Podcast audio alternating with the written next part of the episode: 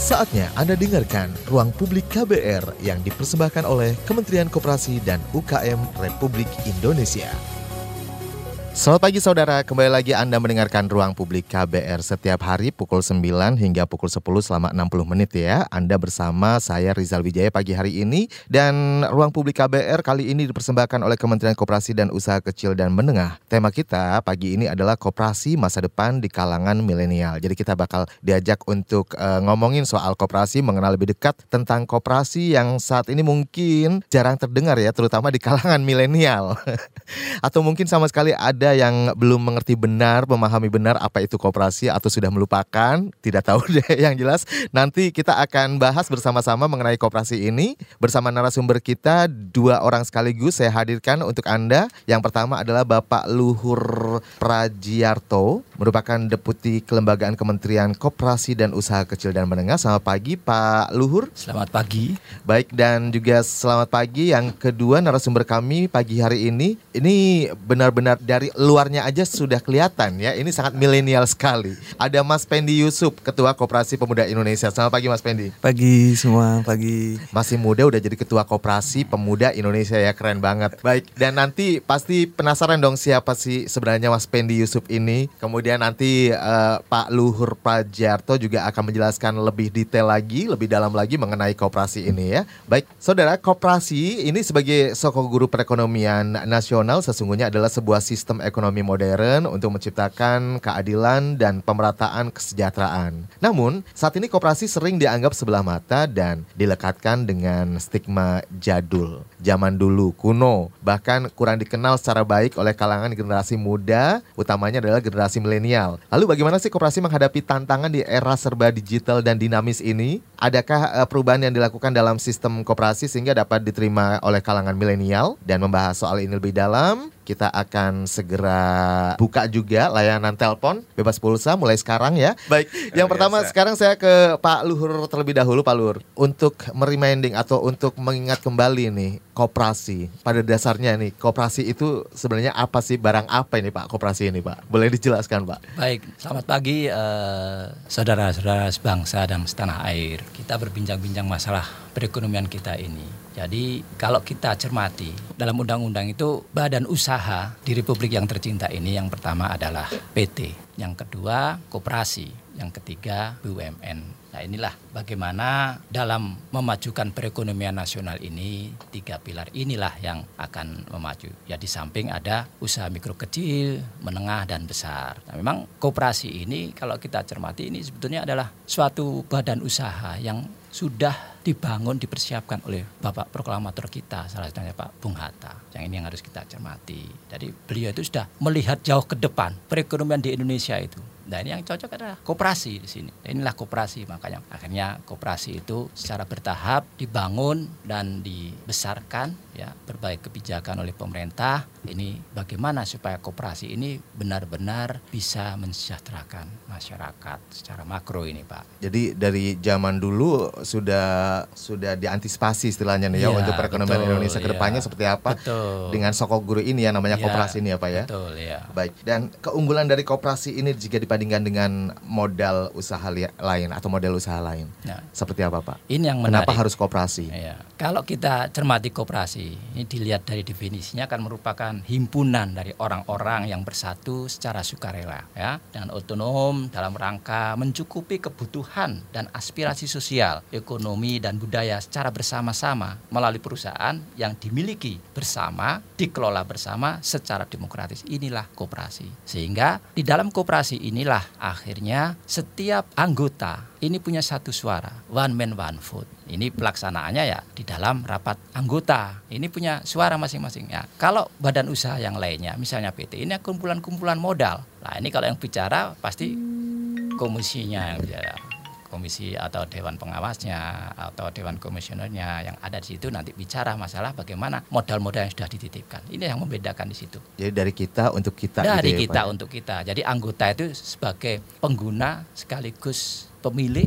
Inilah dari kita untuk kita. Baik. Dan untuk manfaatnya sendiri nih Pak bagi masyarakat luas terkait dengan manfaat ya ini tentunya bagaimana koperasi itu dibangun dibentuk jadi koperasi itu sebagaimana definisinya tadi, hmm. ini ada ada keinginan masyarakat tadi, ingin membentuk usaha supaya bisa lebih besar. Misalnya, kalau seorang petani memenuhi kebutuhan pupuknya atau sarana produksi yang lainnya, kalau beli sendiri di samping harganya mahal, mungkin jauh tempatnya. Lah ini melalui koperasi ini tadi, ini mereka bisa bersatu. 10 orang, 20 orang, saya butuh pupuk. Kalau dengan jumlah tonase yang besar, otomatis kan harganya turun. Nah, inilah manfaat-manfaatnya tadi. Satu. Terus yang berikutnya, ini ada sifat yang guyup sifat gotong royong kekeluargaan. kekeluargaan. Ini yang mungkin tidak dimiliki oleh badan usaha lainnya selain Karena merasa memiliki bersama-sama Karena gitu merasa ya. memiliki bersama. Ya. Baik. Nah, sekarang sebelum kita lanjutkan ke Pak Luhur nih, uh, saya penasaran juga dengan Mas Pendi Yusuf ya, Ketua Koperasi Pemuda Indonesia. Sebelum membahas soal koperasi yang kekinian nih ya, kalau Koperasi Pemuda Indonesia sendiri, apakah berbeda dengan koperasi yang menjadi soko guru Indonesia ini atau seperti apa sih? Kok tiba-tiba ada yang namanya Koperasi Pemuda Indonesia gitu? Iya. Terima kasih Mas. Sebenarnya nggak tiba-tiba juga. ini sejak kapan sih berdiri Koperasi yeah. Pemuda Indonesia ini? Saya juga penasaran. Uh, Koperasi Pemuda Indonesia atau disingkat Kopindo ini sebenarnya berdiri sejak tahun 81. Hmm. Jadi eksistensinya sudah 37 tahun. Kita berusaha terus melahirkan kader-kader muda koperasi. Pertama berdiri di mana nih? Pertama berdiri di Malang. Oh, justru di Malang ya? Di Malang. Oke. Okay. Yang diinisiasi oleh teman-teman dari Bandung, dari Tasikmalaya, dari Malang sendiri dan beberapa daerah lainnya. Itu tujuannya di awal-awal seperti apa? Mengumpulkan, mengakomodir pemuda-pemuda Indonesia, pemuda-pemudi. Karena Kopindo ini adalah koperasi sekunder nasional ya yang beranggotakan koperasi primer di lingkungan pemuda, ada yang dari koperasi mahasiswa, ada koperasi pemuda, ada koperasi siswa, ada koperasi pondok pesantren juga. Oh, pondok pesantren juga. Ada ya yang berbasis santrinya ya. Baik. Tujuan awal memang untuk apa namanya menyatukan satu kekuatan bersama untuk mencapai visi uh, dalam konteks mensejahterakan anggotanya. Visi sederhananya seperti itu dan turut uh, serta dalam membangun ekosistem perekonomian nasional secara uh, baik lah ya di, melalui khususnya di kalangan pemuda. Oke. Okay. Nah, ini sebenarnya sudah ada beberapa yang masuk uh, WhatsApp dan juga SMS di nomor 0812 118 8181 tapi tahan dulu karena saya juga mau nanyain juga nih soal perkembangan koperasi di Indonesia dari zaman dulu pertama dibentuk sampai akhirnya sekarang memasuki era digital ya kan semuanya serba gadget. ini seperti apa nih? Dari Pak Luhur dulu deh, nanti ditambahkan hmm. oleh Mas Pendi. Baik, perkembangan perkoperasian ini di Indonesia ini dulu kalau kita ngacu undang-undang nomor 12 tahun 67 itu kan koperasi pertanian dulu Pak. Hmm. Nah, ini terus berkembang. Waktu itu juga ada badan usaha unit desa kalau karena latar belakangnya mungkin latar belakangnya untuk petani ya, dan memang situasinya waktu itu kita juga negara agraris. Nah, ini makanya pertaniannya dikembangkan di situ. Nanti koperasi pertanian berkembang akhirnya menjadi KUD dan tahun 84 itu ada, instruksi presiden waktu itu yang betul-betul oh, ya, kuat sekali. KUD, iya. desa itu setiap kecamatan setiap ada ya? kecamatan ya? harus ada dan itulah buminya. Sekarang gimana kabarnya tuh Pak? Ya, ini kalau berkait dengan kabar di sini ya inilah tadi sesuai dengan perkembangan zaman tadi itu. Okay. Lah karena namanya badan usaha itu ada bagaikan bola atau lingkaran bola kadang di atas turun ke bawah ini yang di, terjadi di kita. Ya, Alhamdulillah sebetulnya kalau dari sisi jumlah memang jumlah koperasi hingga saat ini per 2014 waktu itu memang jumlahnya cukup besar Pak. Hmm. Ada 212 ribuan waktu itu ya berkembang. Nah terus melihat situasi ini karena koperasi itu kok ada yang tidak aktif. Ya tentunya ini kan menjadi menjadi kayak nilas titik rusak, rusak tulang ya. Makanya Pak Presiden kita pada waktu itu ada Hari Koperasi Nasional Betul. di Jambi. Beliau langsung melonsing reformasi total koperasi. Tujuannya apa? Ini harus merubah. Jadi jangan banyak koperasinya, tetapi kualitasnya yang Alhamdulillah sekarang jumlah koperasi sudah mencapai sekitar 138 ribu, okay. 140 sekian. Nah ini ini perkembangan koperasi dengan berbagai kegiatannya. Ada yang disimpan pinjam, Betul. ada yang di sektor real, bahkan di kantor-kantor swasta juga. Kantor-kantor swasta itu yang ada kita sebut dengan koperasi karyawan tadi. Iya betul. Ya. Seperti kita juga ada pak. Nah, Lumayan membantu. Ya, ya, ya, ya. ya tentunya ini uh, harus di, dikembangkan koperasi ini ya. ya, ya Lumayan ya. buat simpan pinjam pak. Ya, ya tapi jangan pinjam pinjam terus oh, ya. Iya, benar. Walaupun baru lumayan ya. Baik, jadi ingat ya karena saya termasuk generasi 90-an jadi tahu bener nih gimana fisiknya KUD waktu itu yang Ya, masyarakat ya. berduyun-duyun ke KUD Ya, simpan betul. pinjam dan sebagainya. Ya, betul, betul. Buat menabung juga pada Ya, saat itu. dan ya, Pak. waktu itu Pak kalau kita bicara pertanian itu sampai bilang KUD itu posisinya di pucuk gunung pun Hmm? itu kebutuhan pupuk bisa dilayani begitu luar biasa ini, ini yang uh, peran dari KUD tadi untuk mendukung perekonomian nasional secara makro ya ini ya. Baik. Ya. Nah, Mas Pendi, ini koperasi di mata generasi milenial. Ini seperti apa sih sebenarnya? Dan ketika mensosialisasikan ke teman-teman yang sebaya ya Iya. gitu, gimana caranya? Penasaran nih saya. Iya, kalau di teman-teman milenial hari ini memang koperasi sedikit asing. Eh, Kenapa asing? Sebetulnya karena eh, banyak faktor ya. Apa Terus- karena dari namanya yang kurang gimana Eh, gitu? Enggak juga. kurang modern atau gimana atau harus diganti? Eh, enggak juga.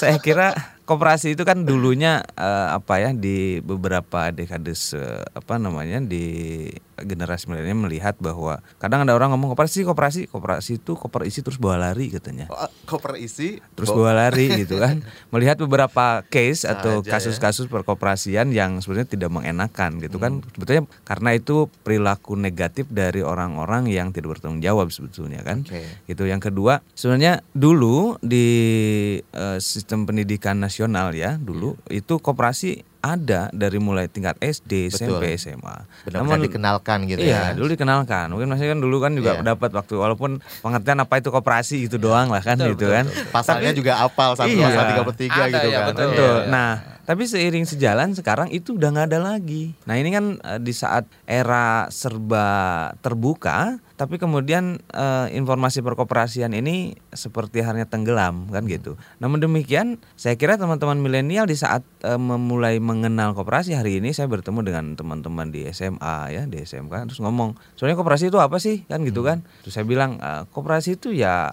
eh, kita Koperasi itu sesuatu aktivitas yang bisa menolong kita semua. Mereka bertanya, apa sih sebenarnya seperti apa koperasi? Saya bilang, di saat teman-teman mengerjakan kelompok, bekerja kelompok untuk menyelesaikan satu masalah, maka di situ sudah mulai berkoperasi. Dalam arti kelompok itu menyelesaikan satu masalah. Ada satu eh, apa kelompok yang hanya satu orang yang canggih, yang pinter, yang lainnya Yang dominan eh, ya. iya kan belum memahami. Dengan melakukan kerja kelompok, maka semua orang punya kesetaraan, punya pemahaman yang sama. Nah, itu yang pertama. Yang kedua, kita juga mencoba mendeliver informasi perkoperasian ini ke generasi muda melalui beberapa uh, upaya ya. Dari mulai uh, mendigitalisasi informasi tentang koperasi hingga melakukan sosialisasi langsung, baik bekerja sama dengan NGO, baik bekerja sama dengan pemerintah, baik bekerja sama dengan uh, apa namanya komunitas-komunitas lainnya untuk menyampaikan ilmu per- perkoperasian kepada generasi muda. Baik, dan eh, nanti di segmen kedua, segmen berikutnya kita akan jeda terlebih dahulu nih sebentar. Eh, kita akan membahas lebih dalam lagi mengenai koperasi ini. Kalau tadi kan koperasi nasional nih, saya juga pengen membandingkan dengan koperasi di luar negeri seperti apa sih sebenarnya. Lalu ada beberapa juga WhatsApp yang sudah masuk ya. Nanti kita akan bacakan satu persatu.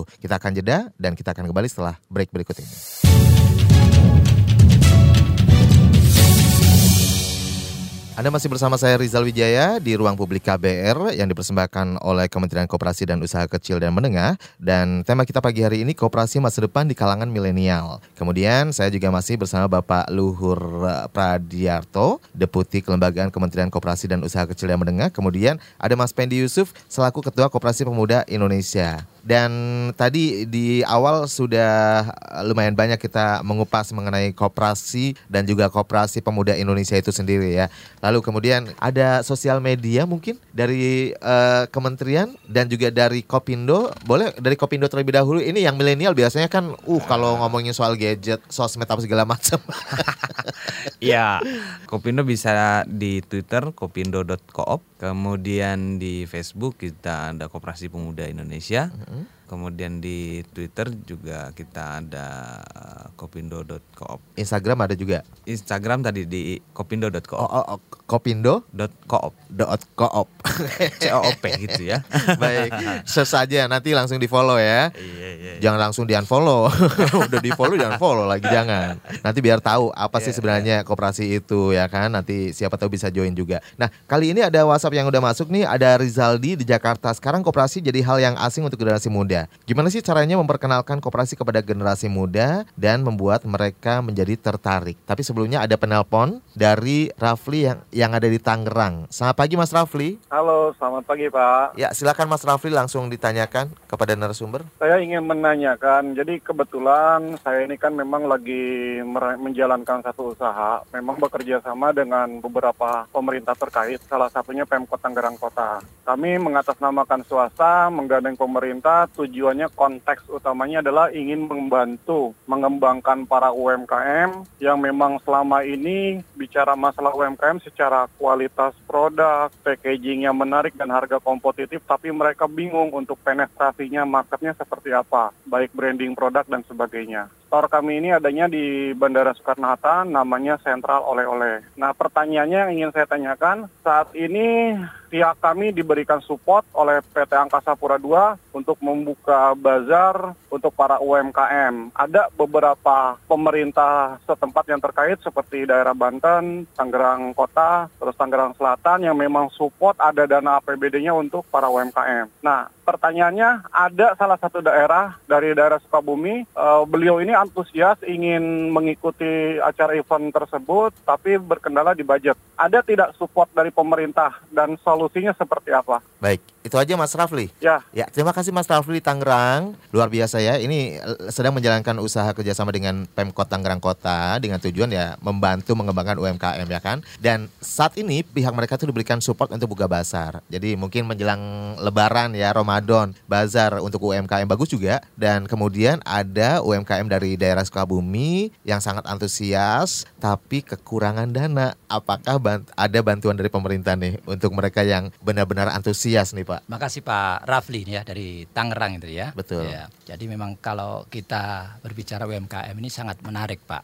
Sebetulnya terkait dengan bagaimana penetrasi ke pasar semua ini kita juga sudah menyediakan ya ini yang namanya Smesco. Okay. Ya di situ di, di Smesco itu ada setiap pavilion ini adalah provinsi. Jadi provinsi Betul. Aceh itu pavilionnya di Aceh itu ya. Nah, jadi sampai ke Papua jadi ada pavilionnya dan itulah tempat pemasaran bagi produk-produk UMKM. Pokoknya begitu masuk ke begitu masuk, ya lah. Memang tapi dibawa ke seluruh ya, Nusantara. Tapi memang ada proses yang disebut kurasi, okay. ya, kurasi tentang produknya tadi. Karena kita dalam memasarkan produk ini tidak hanya di dalam negeri, Pak. Ini keluar negeri. Okay. Makanya perlu kurasi tadi. Nah, kemarin waktu Asian Games luar biasa, ya, termasuk salah satu destinasi kita kemarin. Nah, terkait pelaksanaan basar ini misalnya. Nah, ini basar pun sebetulnya kalau di sisi budget pemerintah kita ada keterbatasan itu. Tapi kita ada e, untuk mendorong UMKM dalam pelaksanaan promosi untuk pameran. Itu pun nggak nggak besar. Nah, saran saya kalau emang ini basar ini UMKM tadi terkait apalagi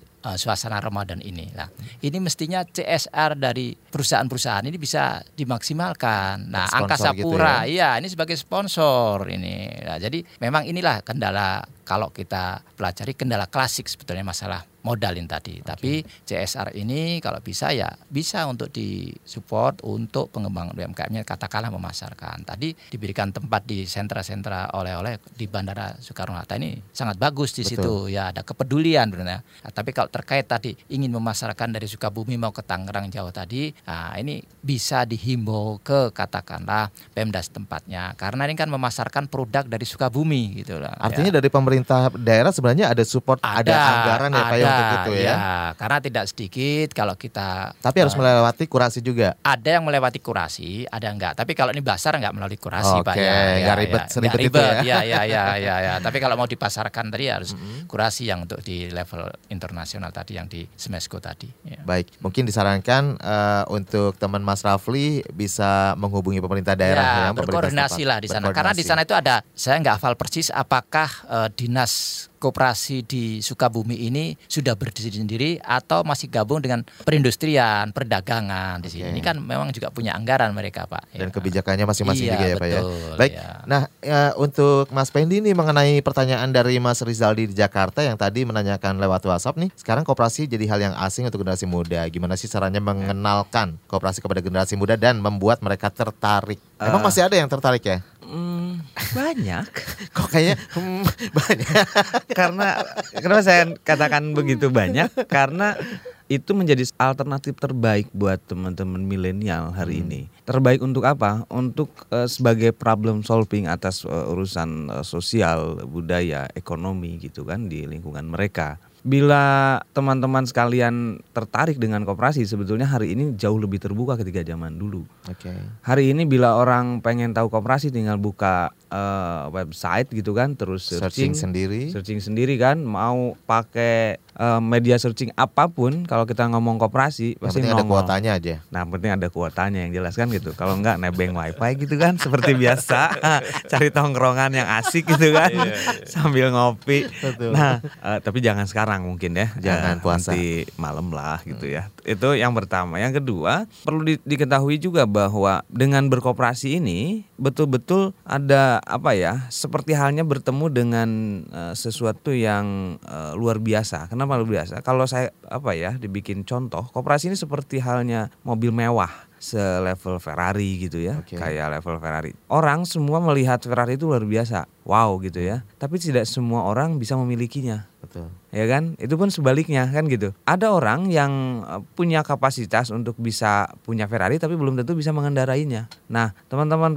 e, pemuda dan milenial bila ingin mengenal koperasi lebih jauh sebetulnya kan hari ini tinggal uh, googling saja kan gitu, hmm. cari tahu. Kenapa saya bilang seperti halnya Ferrari? Karena koperasi yang sesungguhnya, koperasi yang ideal untuk teman-teman uh, pemuda itu bisa uh, melahirkan sesuatu yang menurut mereka sulit, koperasi bisa bisa membantu membantu untuk menyelesaikannya. Nah, bila misalkan contohnya kayak gimana sih kan gitu. Kita kadang e, melihat banyak hal yang menjadi apa ya e, digandrungi ya misalkan di kita gandrungin di dalam negeri mungkin belum nemu ya yang begitu fenomenal gitu ya kan belum nemu tapi di luar negeri banyak kok yang fenomenal gitu okay. kalau teman-teman apa ada di sini ada apa namanya penggemarnya Barcelona harus harus tahu betul sebenarnya Barcelona itu dikelolanya kayak gimana sih okay. Barcelona itu dikelola koperasi loh kan oh dengan asas koperasi juga ya koperasi. bukan asas koperasi memang koperasi. itu sebuah koperasi oh, sebagai koperasi oh koperasi bener-bener pure kopias koperasi ya betul memang Betul. koperasi. Oke, menarik. Baik, tapi sebelum dilanjutkan nih, ini juga terkait dengan koperasi di luar negeri ya. Ada Pak Ali di Pontianak, nanti setelah ini baru kita jeda terlebih dahulu. Selamat pagi Pak Ali. Iya, selamat pagi Pak. Silakan Pak ya. Ali, langsung aja Pak Ali. Ya, ini koperasi menarik ya. Jadi saya mau tanya dengan Pak Luhur dengan atau Mas Pandi juga. Ya, baik, silakan Pak Ali. Ini uh, kalau modal itu tadi dikatakan Pak Luhur, kalau koperasi itu kan ada kan anggota yang bisa mengikutkan modal gitu ya ada usahanya gitu. Nah kalau dana yang diikut sertakan itu ternyata diselewengkan Pak. Itu apakah dijamin pengembaliannya gitu? Oke. Okay. Atau dijamin atau OJK gitu atau Baik. Yang bersangkutan. Itu aja ya Pak Ali ya? Iya itu aja Pak ya. Baik. Terima kasih Pak Ali di Pontianak. Iya nanti eh, kita akan jawab Pak Pak Luhur tapi setelah jeda ya dan sekali lagi diingetin untuk ke ruang publik KBR kita hanya sampai pukul 10 saja. Jangan ke mana-mana kita akan akan kembali setelah jeda berikut ini.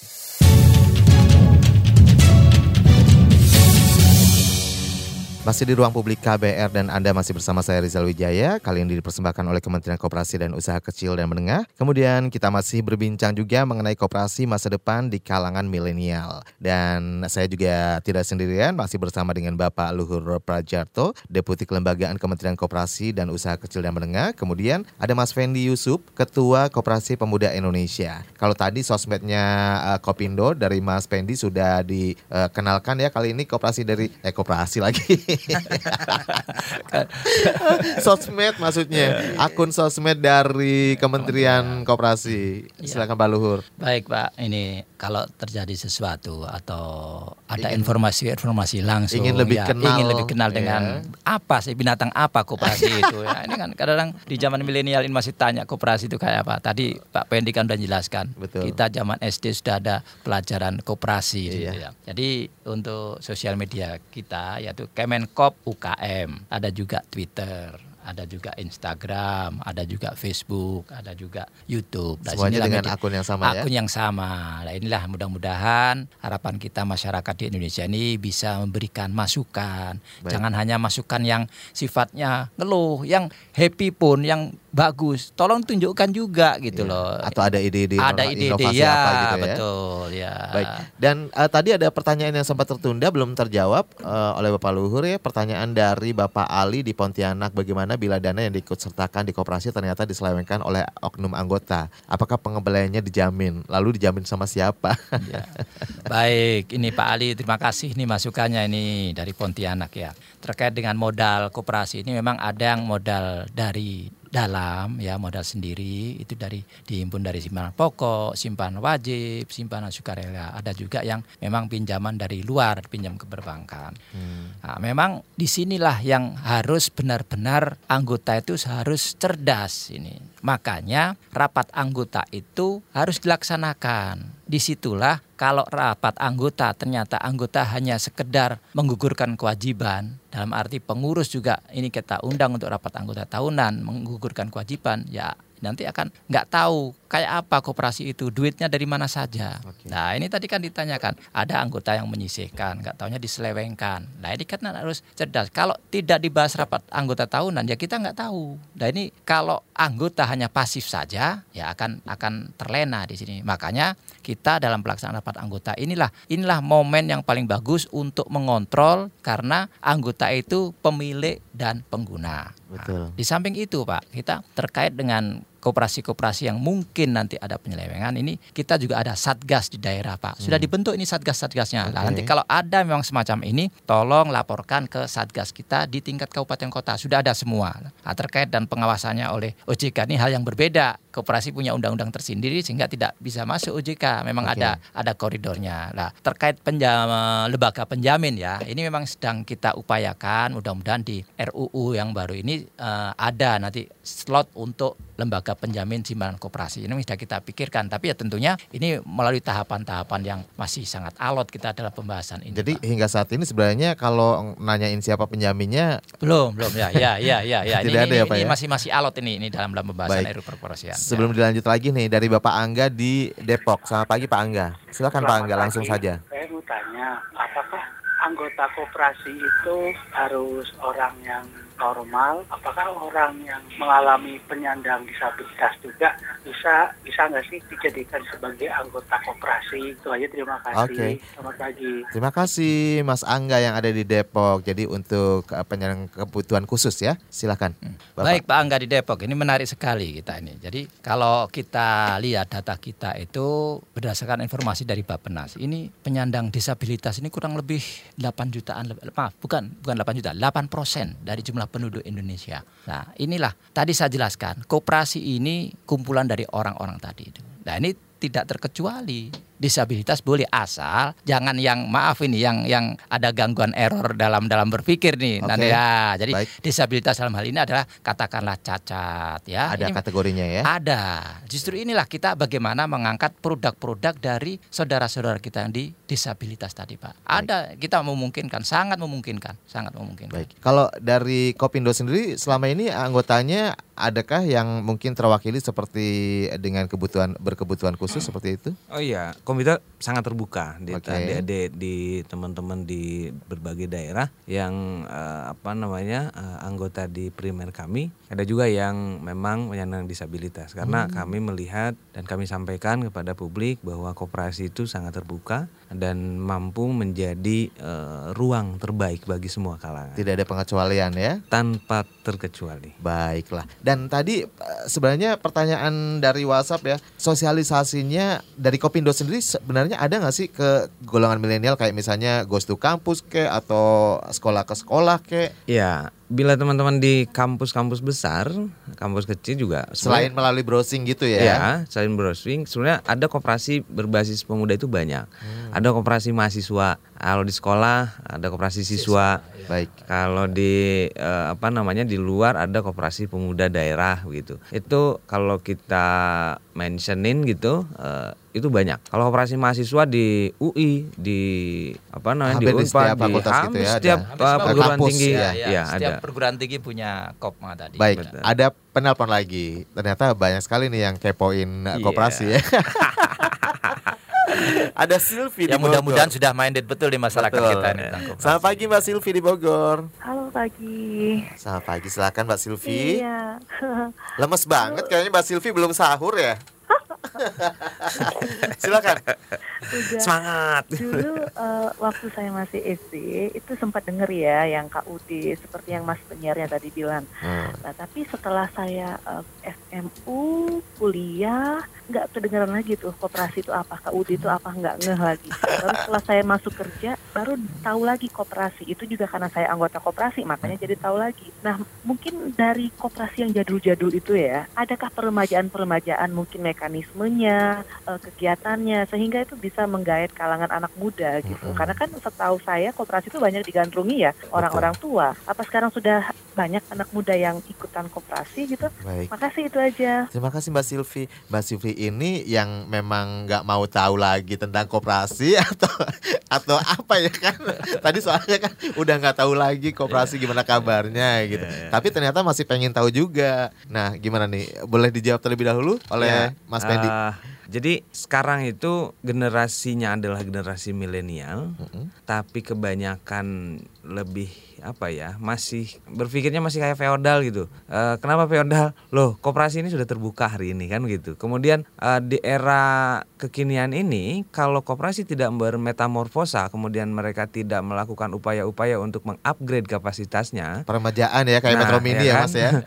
mereka pas, dipastikan akan terdisrupsi, Hmm. akan tergerus, akan tergusur, lalu kemudian hilang, Nah, begitu saja Betul. kan begitu. Nah di era eh, sekarang sebetulnya yang berbasis eh, apa layanan anggota koperasi berbasis platform itu sudah banyak. Oke. Nah, seperti yang tadi di- ditanyakan oleh Pak dari Pontianak ya. Pontianak tadi ya. Pak Ali. Ya, Pak Ali. Hari ini eh, dengan eh, apa namanya adanya ekosistem digital, koperasi bisa melakukan pelayanan kepada anggota dalam bentuk digital. Sehingga keterjaminan itu ada di anggotanya sendiri kan begitu. Bisa melihat aktivitas, bisa melakukan transaksi dan sebagainya berbasis digital. Jadi saya kira hari ini sudah eh, move on deh kan gitu. Koperasi hari ini sudah banyak yang melakukan layanan upaya-upaya lain kepada anggota dan kepada publik berbasis digital. Jadi Jadi sudah bukan lebih kekinian lah bukan gitu dominasi ya. untuk kalangan senior-senior aja Iya, ya. karena sesungguhnya koperasi itu sudah futuristik sejak lahirnya. Widih. Nah, yang Ini bahasanya benar-benar milenial ya. Emang emang udah udah futuristik dari zaman sebelum lahir ya. Nah, Ya, lahir sejak sudah lahir. Sejak cuman lahir dia akan Eh, sejak yang lahir ya. penting kan eh, mengupgrade layanannya eh, sesuai dengan kondisi zamannya. Itu yang Sebenarnya penting. udah bertumbuh dari tahun ke Itu tahun sudah ya. bertumbuh, Baik. betul. Eh, tahan dulu, kita akan jeda terlebih dahulu. Nanti kita masih lanjut untuk satu segmen terakhir ya.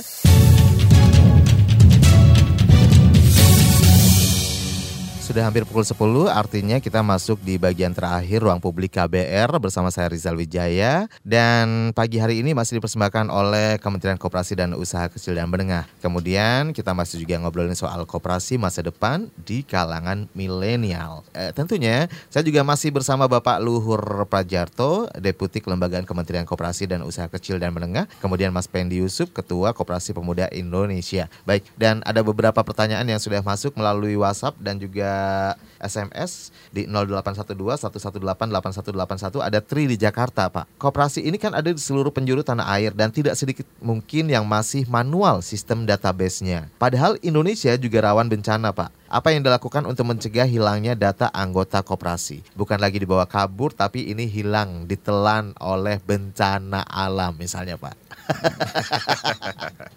Ya, baik. Ya, inilah. Ini kan perkembangan teknologi berkembang begitu pesat ya. Sekarang udah masuk di era industri 4.0. Ya, koperasi pun juga jangan ketinggalan. Ini yang kita pesankan karena kalau kita akan meninggalkan teknologi tadi dengan masuknya teknologi ya kita akan tergerus. Tadi Pak Yusuf sudah menjelaskan terjadi disrupsi tadi itu kan itu. Ya, ya ini harus harus harus dirubah gitu loh Pak. Ini harus dirubah supaya apa? Supaya hal-hal yang menjadi dokumentasi dari koperasi tadi bisa diamankan. Ya, pencatatan secara manual dulu memang waktu memang mendaftar itu secara manual. Nah, ini dengan adanya perkembangan teknologi ya tolong dikomputerisasi gitu. Karena sudah sudah gampang kan. Kalau Tinggal koperasi input tinggal tinggal input. Kalau maaf nih pengurusnya katakanlah tadi gaptek tentang komputer, kan ada karyawannya.